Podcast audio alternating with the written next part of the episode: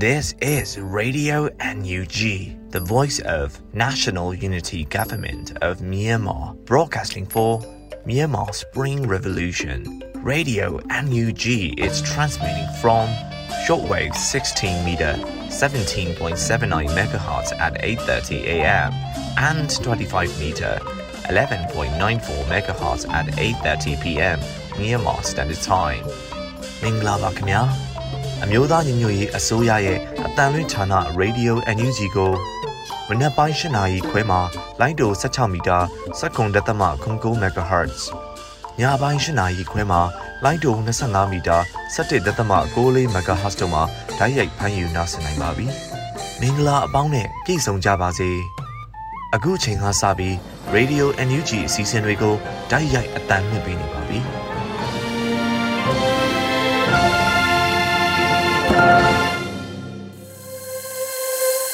မြန်မာနိုင်ငံသူနိုင်ငံသားအပေါင်းတဘာဝပြီးစစ်အာဏာရှင်ပြည်သူကနေကင်းဝေးပြီးကိုစိတ်နှပြကျန်းမာချမ်းသာလို့ဘေးကင်းလုံခြုံကြပါစေလို့ Radio NUG ဖွဲ့သူဖွဲ့သားတွေကဆုတောင်းမြတ်တာပို့သလိုက်ရပါတယ်ရှင်။အခုချိန်ကစပြီးပြည်တွင်းသတင်းတွေကိုຫນွေဦးမောင်ကဖတ်ကြားတင်ပြပေးတော့မှာဖြစ်ပါတယ်ရှင်။မင်္ဂလာပါခင်ဗျာ။ယခုချိန်ကစပြီး Radio NUG ပြည်တွင်းသတင်းများကိုဖတ်ကြားတင်ပြပေးပါတော့မယ်။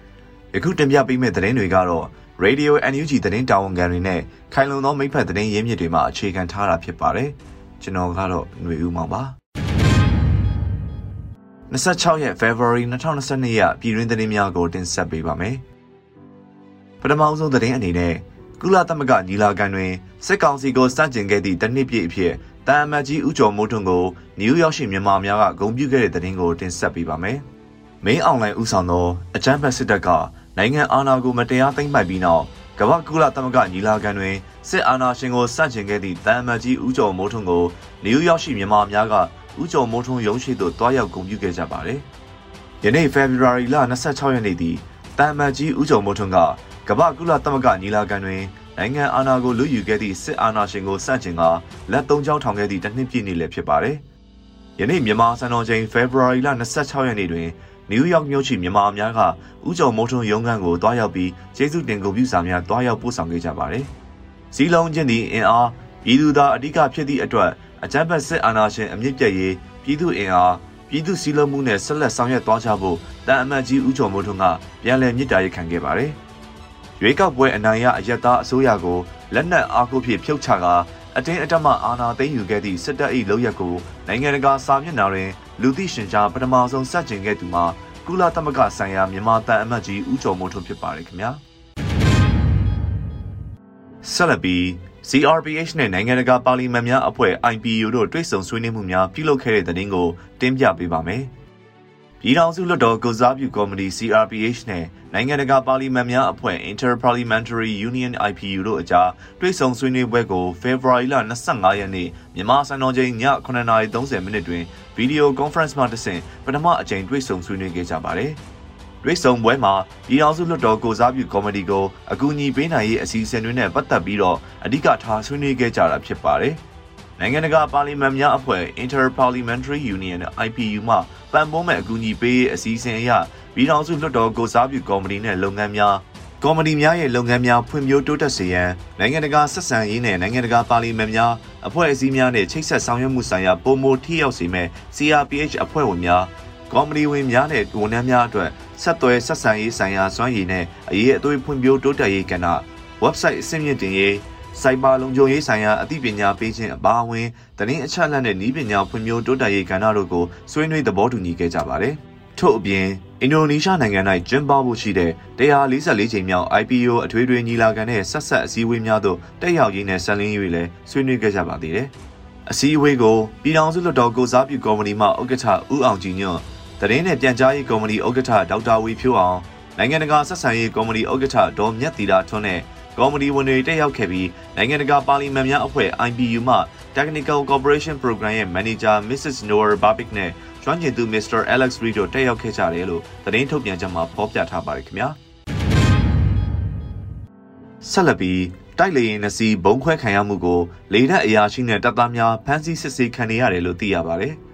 ဖေဖော်ဝါရီလ18ရက်နေ့ညပိုင်းကရန်ကုန်တိုင်းမော်ဘီလီတဲ့စကန်ဌာနချုပ်မှာ YAK 130တိုက်လေယာဉ်နှစ်စီးဘုံခွဲခံရမှုနဲ့ပတ်သက်ပြီးလေတပ်အရာရှိနဲ့စစ်သားများအဖမ်းခံရရတယ်လို့သတင်းရင်းမြစ်များအရသိရှိရပါတယ်။ဖမ်းထားသူတွေကိုရေကြီးအိုင်စစ်ကြောရေးမှာစစ်ဆေးလျက်ရှိကြောင်းတပ်တွင်းမှလာတဲ့သတင်းရင်းမြစ်များထံမှသိရပါတယ်။ People Force ပြည်သူ့အင်အားစုရန်ကုန်က တိုက်လေရင်တွေကိုဖောက်ခွဲတိုက်ခိုက်နိုင်ခဲ့တာဟာသူတို့လက်ချက်ဖြစ်တယ်လို့သတင်းထုတ်ပြန်ထားပြီးတိုင်းရင်းသားဒေသများရှိအပြစ်မဲ့အရက်သားနဲ့စစ်ဘေးရှောင်တွေကိုထိခိုက်သေးချေအောင်ဖိုက်တာဂျက်တိုက်လေရင်များကရရဆက်ဆက်ဘုံကျဲနေခြင်းကိုတုံ့ပြန်ခြင်းဖြစ်တယ်လို့ဆိုထားပါတယ်။တိုက်ခတ်မှုကြောင့်လေရင်နှစီထိခိုက်ပျက်စီးမှုရှိတယ်လို့ People Force ကသတင်းထုတ်ပြန်ထားသလိုလေးတပ်တွင်သတင်းရင်းမြစ်များကလည်းတိုက်လေရင်နှစီလုံးပြောပလောက်အောင်မထိခိုက်ဘူးလို့ဆိုပါတယ်။ လက်ရှိအချိန်မှာတော့မော်ဘီလေတပ်စခန်းမှလေတပ်အရာရှိဗိုလ်ကြီးများအပါအဝင်တန်တရားဖြစ်ခံရသောလေတပ်စစ်သားများကိုဖမ်းဆီးခြင်းမိုဘိုင်းဖုန်းများကိုတင်ယူစစ်ဆေးခြင်းများဖြစ်ပေါ်နေပါတယ်။ဒါအပြင်လူမှုကွန်ရက်အသုံးပြုရာတွင်အမျိုးသားညီညွတ်ရေးအစိုးရ NUG Page ကို Like and Share ပြုလုပ်ထားသူလေတပ်မိသားစုများကိုပါဖမ်းဆီးထားခြင်းဖြစ်ကြောင်းသတင်းများရရှိထားပါတယ်။လေတပ်ထဲဘုံကွဲခံရတဲ့ case မှာတပ်ထဲကမတင်ကားတဲ့သူတွေအကုန်ဆွဲဆီခံရတယ်။ NUG ကို like နဲ့ share လုပ်ထားမိတဲ့ဗိုလ်ကြီးတွေပါအစီခံရတာ ရေကြီးအိုင်ကိုခေါ်သွားခံရတယ်အထဲမှာအချင်းချင်းပြန်ချပြီးဒီကောင်တွေတိုင်ပတ်ကုန်ကြတယ်ဟုတက်သွင်းသတင်းရင်းမြစ်များကပြောပါတယ်။ဤသူဘက်ကရက်တီပြီးတော့စစ်အာဏာရှင်ကိုဒေါ်လာနေတဲ့ CDMR ဗိုလ်ကြီးညီတုသားကတော့စစ်တပ်အတွင်းမှာဖြစ်စဉ်တစ်ခုဖြစ်ရင်တပ်ထဲရှိတဲ့သူတွေကိုတန်းစီခွင်းခေါ်ခမ်းမသွင်းတယ်အားလုံးကိုမယုံဘူးသူတို့အချင်းချင်းလည်းမယုံဘူးလေတပ်ဖြစ်စဉ်မှာဆိုရင်လေရင်မှုတွေကိုပါဖမ်းစစ်တယ်လုံခြုံရေးတွေကိုလည်းဖမ်းစစ်တယ်တက်တောင်မှတတက်သေးကိုမဟုတ်ဘူးတက်တိုင်းကိုကြက်တယ် လက်အောက်ငယ်သားတွေကအကုန်စိတ်ညစ်ကုန်ရောစစ်ကောင်စီကသူ့တပ်သားတွေကိုမယုံတာကြောင့်တဒက်လုံးကိုတန်တရားနဲ့ကြည့်တယ်။အဲ့လိုမျိုးအချင်းချင်းမယုံကြည်ကြဘူးဆိုတဲ့စိတ်ကခံရခက်စေတယ်။ဖမ်းစစ်ခံရတဲ့အထဲမှာ NUG နဲ့ PDF ကိုဖောင်းထုခြင်းလို့ follow လုပ်ထားသူတွေပါပါတယ်။စစ်တပ်ကသူ့လက်အောက်ခံတပ်သားတွေကိုမွန်းကျက်အောင်နှီးမျိုးစုံနဲ့ဖိအားပေးနေတယ်။အဲ့ဒီမွန်းကျက်မှုတွေကပဲသူ့တပ်သားတွေစစ်ကောင်စီကိုစွန့်ခွာဖို့အကြောင်းပြချက်ဖြစ်လာတာပါပဲ။ တက်တွင်းမှာမွန်းချက်မှုတွေပြင့်လေလေစက်ကောင်စီအကြက်ရိုက်လေလေပါပဲလို့သူ့ရဲ့အမြင်ကိုလူမှုကွန်ရက်ပေါ်မှာထုတ်ဖော်ရေးသားထားတာတွေ့ရှိရပါတယ်ခင်ဗျာ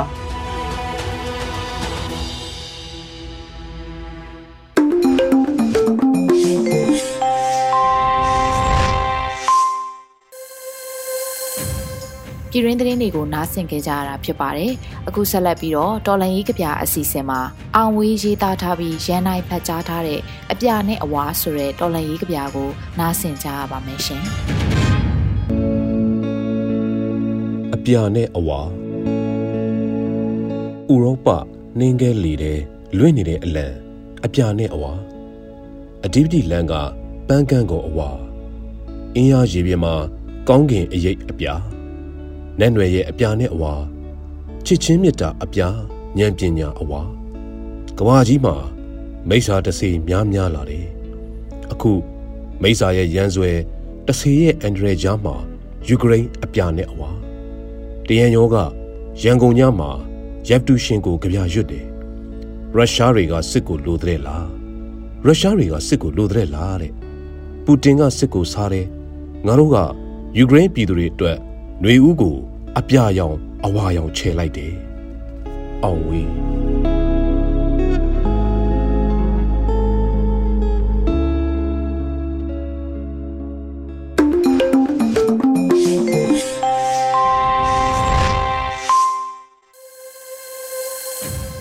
ဆက်လက်ပြီး Radio NUG Interview အစီအစဉ်မှာຫນွေဦးမုံမေးမြန်းထားတဲ့ CDM တဦးရဲ့ဘဝဖြတ်သန်းမှုအပိုင်း7ကိုနားဆင်ကြရတော့မှာဖြစ်ပါတယ်ရှင်။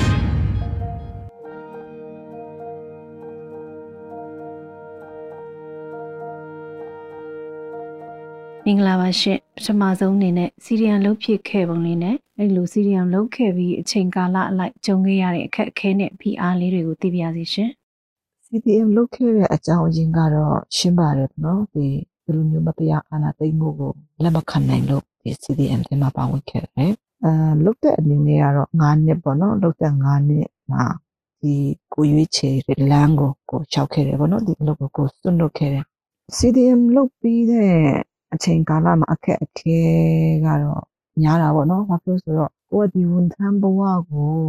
ခံယူလိုက်တဲ့အချိန်မှာပေါ့နော်။ဘာပြောကိုချစ်တဲ့ပုဂ္ဂိုလ်ရက်တည်ရပေါ့နော်။ကိုဟာနဲ့ကိုတစ်ဖက်တစ်လမ်းကနေလည်းလှုပ်တဲ့အရာတွေကိုလှုပ်ခဲ့တယ်။ဒါပေမဲ့ဒီ CDM လှုပ်လိုက်တဲ့အချိန်မှာကိုရဲ့ဝင်ဝင်လည်းမရှိတော့ဘူး။ကိုမှဘာလို့လုပ်ပါကြရမှလည်းမသိတော့ဘူး။အခက်အခဲတွေပေါ့အများကြီးပါပဲခက်ခဲတော့ပြောမယ်ဆိုတော့အာ PR ကတော့အထူးသဖြင့်ပေါ့နော်ပြီးတဲ့အချိန်ထိလုံမယ်ဆိုတော့ဘွန်ထိုးထားတယ် ပြီးပြီဆိုရင်ဒီ covid ချင်းကိုကြီးထားတယ်ပေါ့နော်ဒီမှာထွက်လာတဲ့အချိန်ကတော့9နှစ်ထဲဝင်ပြီပြီးဖို့တော့လပိုင်းလေးလိုသေးတယ်အဲ့လိုမျိုးအချိန်မှာအဲသူတို့တွေအဲ့လိုမျိုးဖုန်းနဲ့ဆက်တာမျိုးတစ်မျိုးပေါ့နော်အဲ့လိုမျိုးပြီးကြံခဲ့တဲ့ CDM မလုပ်ဘဲနဲ့ကြံခဲ့တဲ့ကိုယ့်ရဲ့ဝန်ထမ်းတငယ်ချင်းတွေကနေကိုယ့်ကိုအဲ့လိုမျိုးအဲ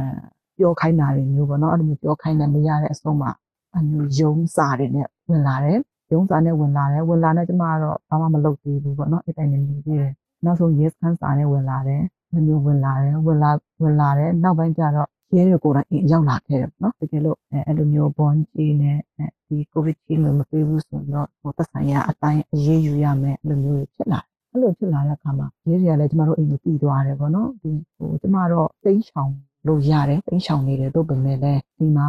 ကိုယ့်ရဲ့မိဘတွေရှိသေးပေါ့နော်ကိုယ့်ရဲ့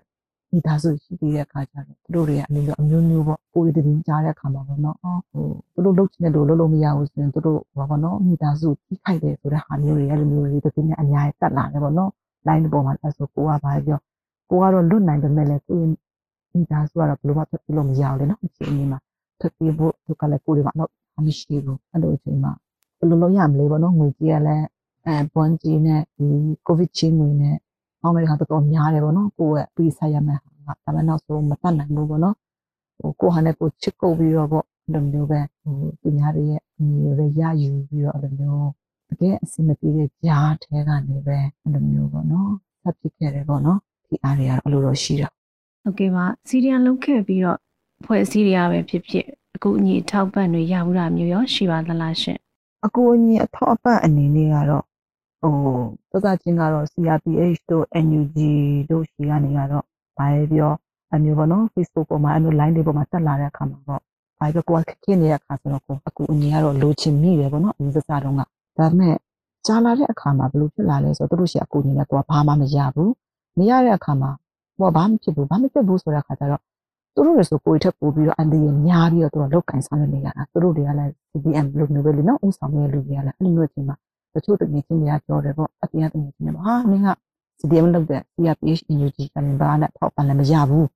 အဲ့တော့နေရလုံနေသေးတယ်နေဟာနေ EC ရုံးမှနေတော့ကနေလာစာလေးနဲ့ရနေအောင်မယ်အဲ့လိုမျိုးတကယ်ချင်းတချို့တကယ်ချင်းတွေပေါ့အဲ့လိုမျိုးတွေပေါ့အပြင်ကတကယ်ချင်းဝန်ထမ်းမဟုတ်တဲ့အပြင်ကတကယ်ချင်းတွေဒီမှာအဲ့လိုမျိုးပြောကြတယ်ဒါမှလည်း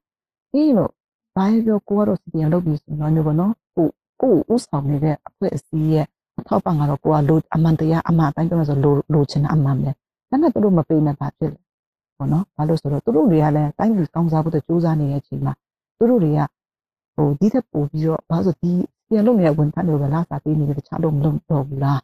မဟုတ်ဘူးဘာလို့ဆိုတော့ကိုယ်လည်းခြေလက်တွေပါသေးရပဲပေါ့နော်အဲ့လိုဆိုတော့သူတို့မကူညီနေပါမဖြစ်ဘူးသူတို့မကူညီတော့မကိုရဲစစ်သက်ကြသွားခြင်းစစ်သက်ခြင်းဘာမှမရှိဘူးဒါပေမဲ့ကိုကပဲအပိုင်းကနေကိုကကူညီပေးနိုင်မလဲပေါ့နော်ကိုကူညီပေးနိုင်တဲ့အပိုင်းကပဲကိုကအဲ့လိုမျိုးတွေးတယ်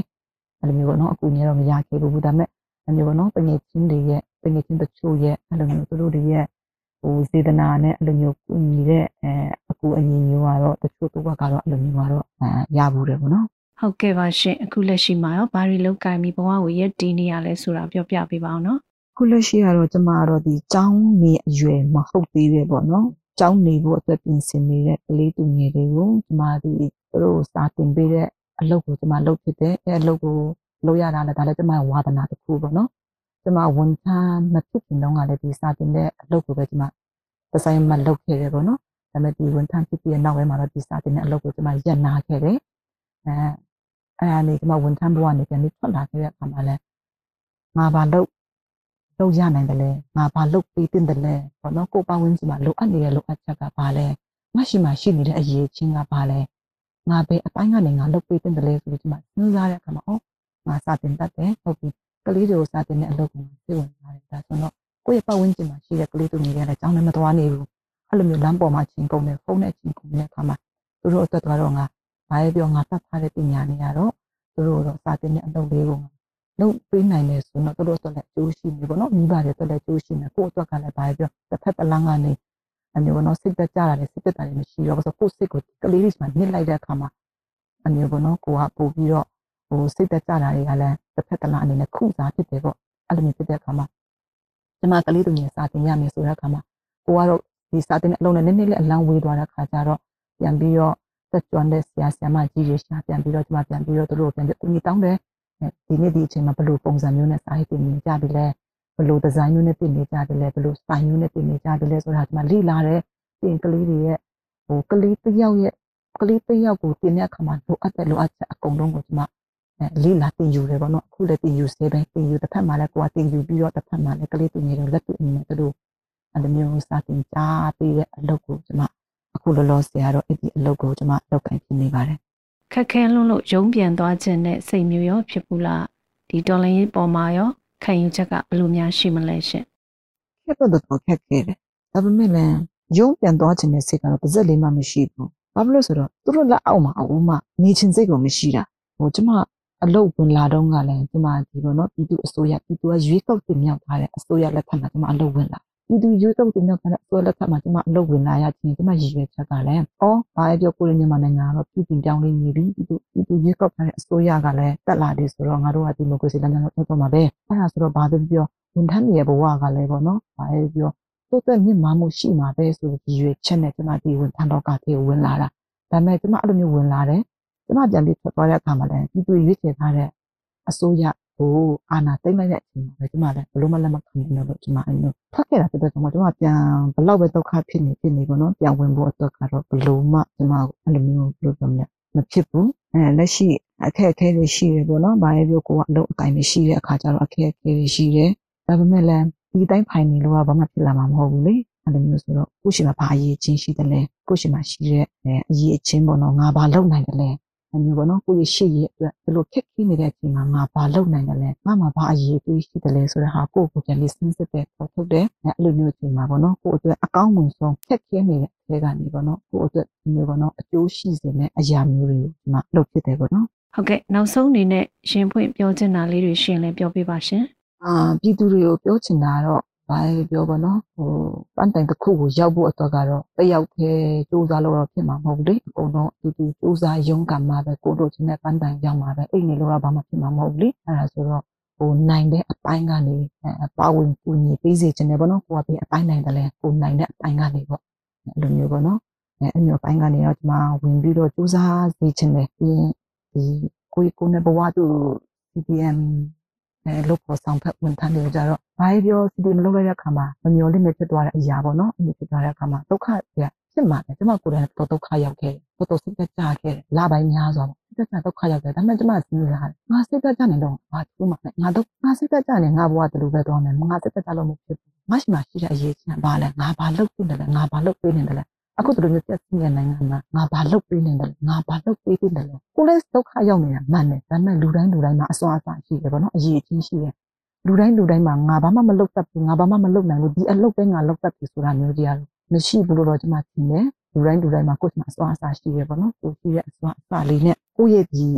ရက်ဒီချက်ကိုပေါ့နော်မပြိုလဲသွားအောင်ကိုလုံနိုင်တဲ့အပိုင်းကနေလုတ်ပြီးတော့ပေါ့နော်ဒီမျိုး ဆက်ပြီးတော့ရက်တည်စီခြင်းနဲ့အဲအကူအညီထောက်ပံ့ရတဲ့ CDM မိုင်းလည်းရှိမယ်ကျမတို့မျိုးအကူအညီထောက်ပံ့မရရလို့လည်းရှိမယ်ဒါပေမဲ့ဟိုအကူအညီထောက်ပံ့မရဘူးဆိုတော့လည်းစိတ်သက်သာစရာမလိုဘာလို့ဆိုတော့ကိုကလူကောင်းပဲရှိသေးတယ်နော်စူးစမ်းလို့ရသေးတယ်ဘာဘာပြောအကူအညီထောက်ပံ့ရတော့ပိုတော့ကောင်းတာပေါ့ဒါပေမဲ့အကူအညီထောက်ပံ့မရတော့ညာလည်းပဲငါ အသက်ဆက်ဆက်ရှင်ဖို့အတွက်ငါရက်တည်နိုင်ဖို့အတွက်ငါဘာလုပ်နိုင်မလဲငါရှိမှာဘာအရေးကြီးရှိတယ်လဲငါဘယ်လိုစူးစမ်းရင်တိုးတက်နိုင်တယ်လဲဆိုတဲ့အပိုင်းနဲ့ပဲနော်စဉ်းစားပြီးတော့ကိုယ့်ရှိရဲ့အတွက်ကိုစဉ်းစားပြီးတော့နော်တစ်ဖက်တစ်လမ်းကနေတစ်ခုဦးတည်နေဟာကိုယ်နဲ့တစ်ဖက်မှာလည်းကိုယ့်အရေးချင်းနေနေတော့ချင်းမရှိအောင်ကိုသက်ကျွမ်းတဲ့အပိုင်းကနေပေါ့နော်ကိုယ့်ရဲ့အရေးချင်းကိုလည်းကိုနိုင်တဲ့အပိုင်းကနေအဲ့လိုမျိုးအရေးချင်းကိုတွေးပြီးတော့အာနေရင်တော့အဲကိုယ့်ရဲ့စိတ်သက်သာခြင်းလေးအဲ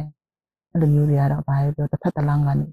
ကုစားပေးနိုင်မယ်လို့ကတော့ကျမတို့မျိုးလေးနဲ့ကျမကိုယ်တိုင်ကလည်းအဲ့လိုမျိုးပဲကုစားနေရတယ်နော်အဲ့မျိုးပေါ့နော်စိတ်သက်ပဲကြာနေလို့ပြောတော့ဖြစ်မှာမဟုတ်ဘူးလေစိတ်သက်ကြာနေတယ်လည်းတစ်ဖက်မှာကိုနိုင်တဲ့အပိုင်းကနေကိုတစ်ဖက်တစ်လမ်းကိုနေမယ်ပြင်ကိုလုံနိုင်တဲ့အလုံးနဲ့လုံမယ်အဲ့လိုမျိုးဆိုဒုက္ခတော့လူတိုင်းရောက်ကြတာဒုက္ခတော့ CDM လုံတဲ့လူလည်းရောက်တယ်လို့ CDM မလုံတဲ့လူဒုက္ခရောက်နေတယ်ပြီးရင်ဝန်ထမ်းမဟုတ်တဲ့ပြည်သူတွေလည်းဒုက္ခရောက်နေတယ် ဘာလို့ဆိုတော့နိုင်ငံပြည့်ကြီးမှာပုံမှန်တက်ရှင်နေရတာကိုဒုက္ခများတဲ့လူတော့မရှိဘူးအမင်းနဲ့အမရပဲသွားတယ်အဲ့ဒါဆိုတော့ကိုရှိတဲ့နေရာမှာရှိတဲ့အရက်မှာလှုပ်လှုပ်လှုပ်ထိုက်တဲ့အရာကိုလှုပ်ပြီးတော့အဲကိုယ့်ရဲ့အရေးတွေကိုမြင်ပြီးတော့အဲပြစ်စပြီးတော့ရက်ပြီးနှောက်လန်းကြပါလို့ပြောချင်တာတော့အဲ့လိုမျိုးအဲခွန်အားပေးခြင်းတယ်ပေါ့နော်။ဒါပြောပန်းကြီးအချမ်းသာရသွားတဲ့တနေ့မှာအကုန်လုံးနဲ့ပြည့်စုံနေရင်အဲပြုံးပန်းဝေစားတဲ့မျက်နှာလေးကိုပြန်ပြီးတော့ကျွန်မမြင်ချင်ပါတယ်။ဟုတ်ကဲ့ပါအခုလိုချိန်ပေးပြီးမိကုန်းလေးတွေဖြည့်ချပေးတဲ့အတွက်အထူးပဲကျေးဇူးတင်ပါတယ်ရှင်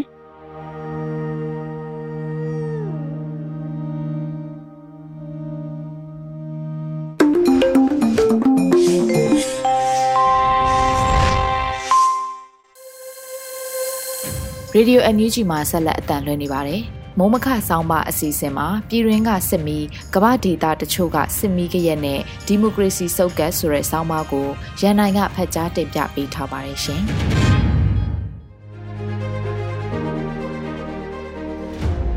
ပြည်ရင်းကစစ်မီကမ္ဘာဒေတာတချို့ကစစ်မီကရက်နဲ့ဒီမိုကရေစီဆုတ်ကပ်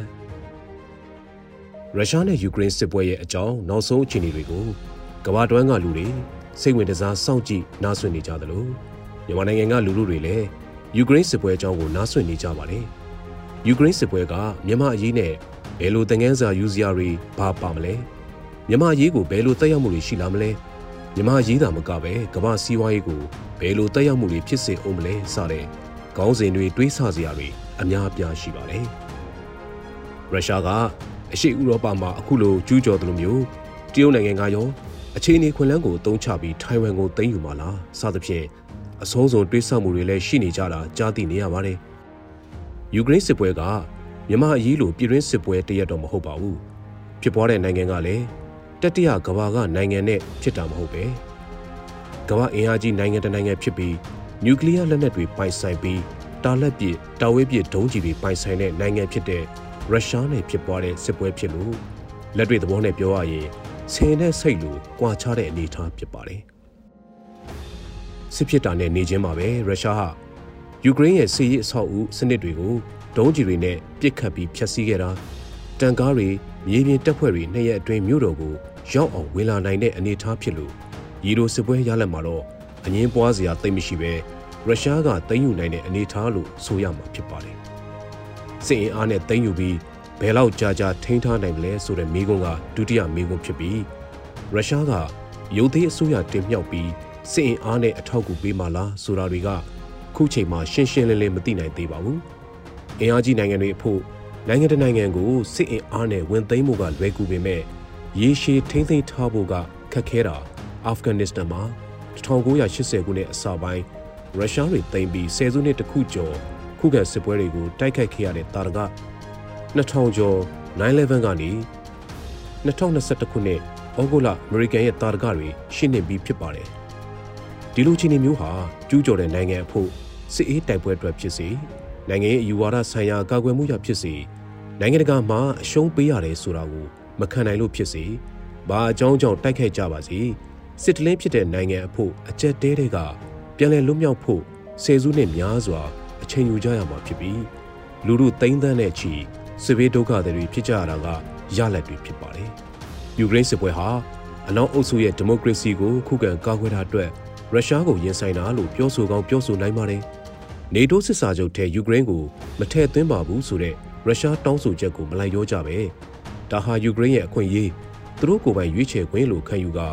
အမေရိကန်ဥဆောင်တဲ့အနောက်ဥရောပနိုင်ငံတွေကအလျှော့မပေးခဲ့ကြပါဘူး။သို့တော်လည်းလက်တွေ့ရုရှားက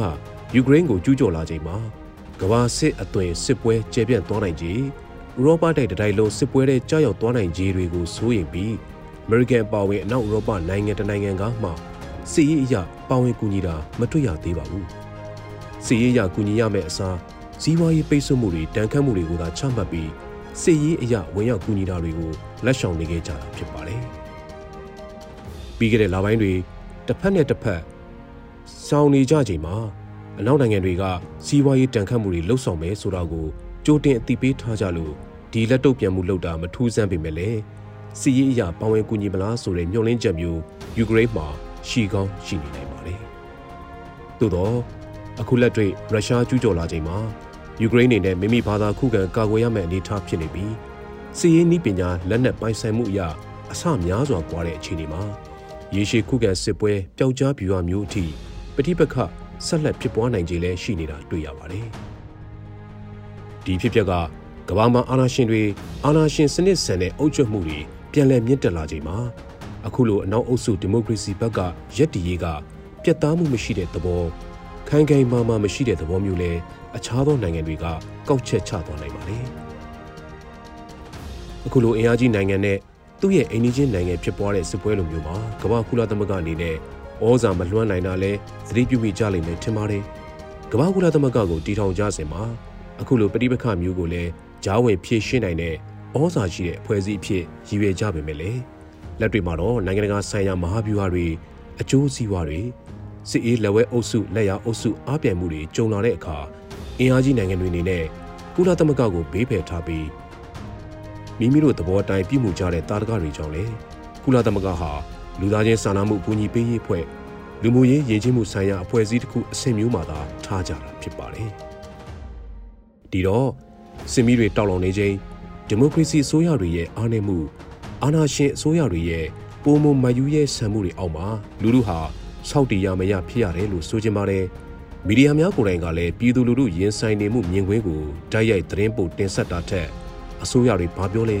ခေါင်းဆောင်ဆိုသူတွေဘာလုပ်နေလဲ စီးပွားရေးဘာတွေဖြစ်ကုန်မလဲဆိုတဲ့အကြောင်းတွေပိုဆွေးနွေးပြနေကြတယ်။တချို့မီဒီယာတွေပညာရှင်တွေကပူတင်ကိုဘာလို့မုန်းရတာလဲဆိုပြီးဆွေးနွေးညှင်းခုန်မှုတွေလုပ်ပြနေကြပါသေးတယ်။မြန်မာနိုင်ငံရေးမှာလည်းကုလသမဂ္ဂအနေနဲ့ဝင်ရောက်ဖြည့်ရှင်းဖို့မစွမ်းတာတာတွေ့ရမှာဖြစ်ပါတယ်။မြန်မာနိုင်ငံကပြည်တွင်းရေးသာဖြစ်တယ်လို့စင်အားရှိသူတွေအာဏာရှိသူတွေကစင်ကြေပေးကြပေမဲ့လည်းနေ့စဉ်နဲ့အမျှလူခွင့်ရေးချိုးဖောက်မှုတွေတပ်ဖြတ်မှုတွေအယက်သားအသက်ဆုံးရှုံးမှုတွေနေမိရှုခံရမှုတွေဖြစ်ပွားနေတာဖြစ်ပါတယ်။ အဲ့ဒီအတွက်အနီးကပ်ဆုံးအာဆီယံတရုတ်နဲ့အိန္ဒိယတို့ယက်တီချက်တွေလောက်ကင်နေမှုတွေကလည်းအနောက်အုပ်စုနိုင်ငံတွေလိုပဲကိုကြိုးစီးပွားရှေ့တန်းတင်တဲ့ယက်တီချက်ဆိုတာထင်ရှားခဲ့ပြီးဖြစ်ပါတယ်။ဒီကနေ့သတင်းတွေထဲမှာရွှေဘုံမြို့အရတော်စတဲ့ဒေသကကြေးရွာတွေကနေအိမ်တွေမိရှုဖျက်ဆီးခံနေကြတဲ့သတင်းတွေဖတ်ရှုရပါတယ်။မြန်မာနိုင်ငံကပြည်တွင်းစစ်ပဋိပက္ခမှာတနေ့တနေ့နေအိမ်ယာနဲ့ချီပြီးမိရှုခံနေရတယ်လို့လက်နက်ကင်တိုက်ခိုက်တဲ့ PDF ကိုအားပေးသူ ပါဝင်သူလို့တန်တရားဖြစ်ုံမျှနဲ့အမျိုးသမီးရောအသက်ကြီးရင်သူအရွယ်မရောက်သေးတဲ့လူငယ်တွေပါမချမ်းပြစ်ခတ်တပ်ဖြတ်နေတာတွေကနေ့စဉ်ဘဝလိုဖြစ်လာနေပါတယ်။အခုရပိုင်းကယားပြည်နယ်စကိုင်းတိုင်းရဲ့မြို့နယ်အများပြားမှာတပ်ဖြတ်မိရှုခံရတဲ့အဖြစ်တွေနေ့စဉ်လိုလိုသတင်းတွေထဲပါရှိနေပါတယ်။ကဘာကြီးနေနဲ့ယူကရိန်းနဲ့ရုရှားအရေးကိုစိတ်ဝင်စားနေကြချိန်မှာမြန်မာအရေးကအတိုင်းအတာတစ်ခုထိနောက်ရောက်နေအောင်မှာဖြစ်ပြီးမိမိတို့အင်အားနဲ့မိမိတို့သာ ခုခံတိုက်ခိုက်နေကြရအောင်မဲ့အလားအလာရှိနေတာလည်းဖြစ်ပါတယ်။မြန်မာပြည်သူတွေအတွက်မြန်မာပြည်သူတွေသာရှိတယ်ဆိုတာဒီ2021တနှစ်တာကတက်တည်ပြပြီးပါပြီ။အဲ့ဒီတိုင်2022မှာလည်းမြန်မာပြည်သူတွေကမဆုံးမနစ်ဆက်လက်ရက်တည်ချီတက်နေစေဖြစ်ပါတယ်။။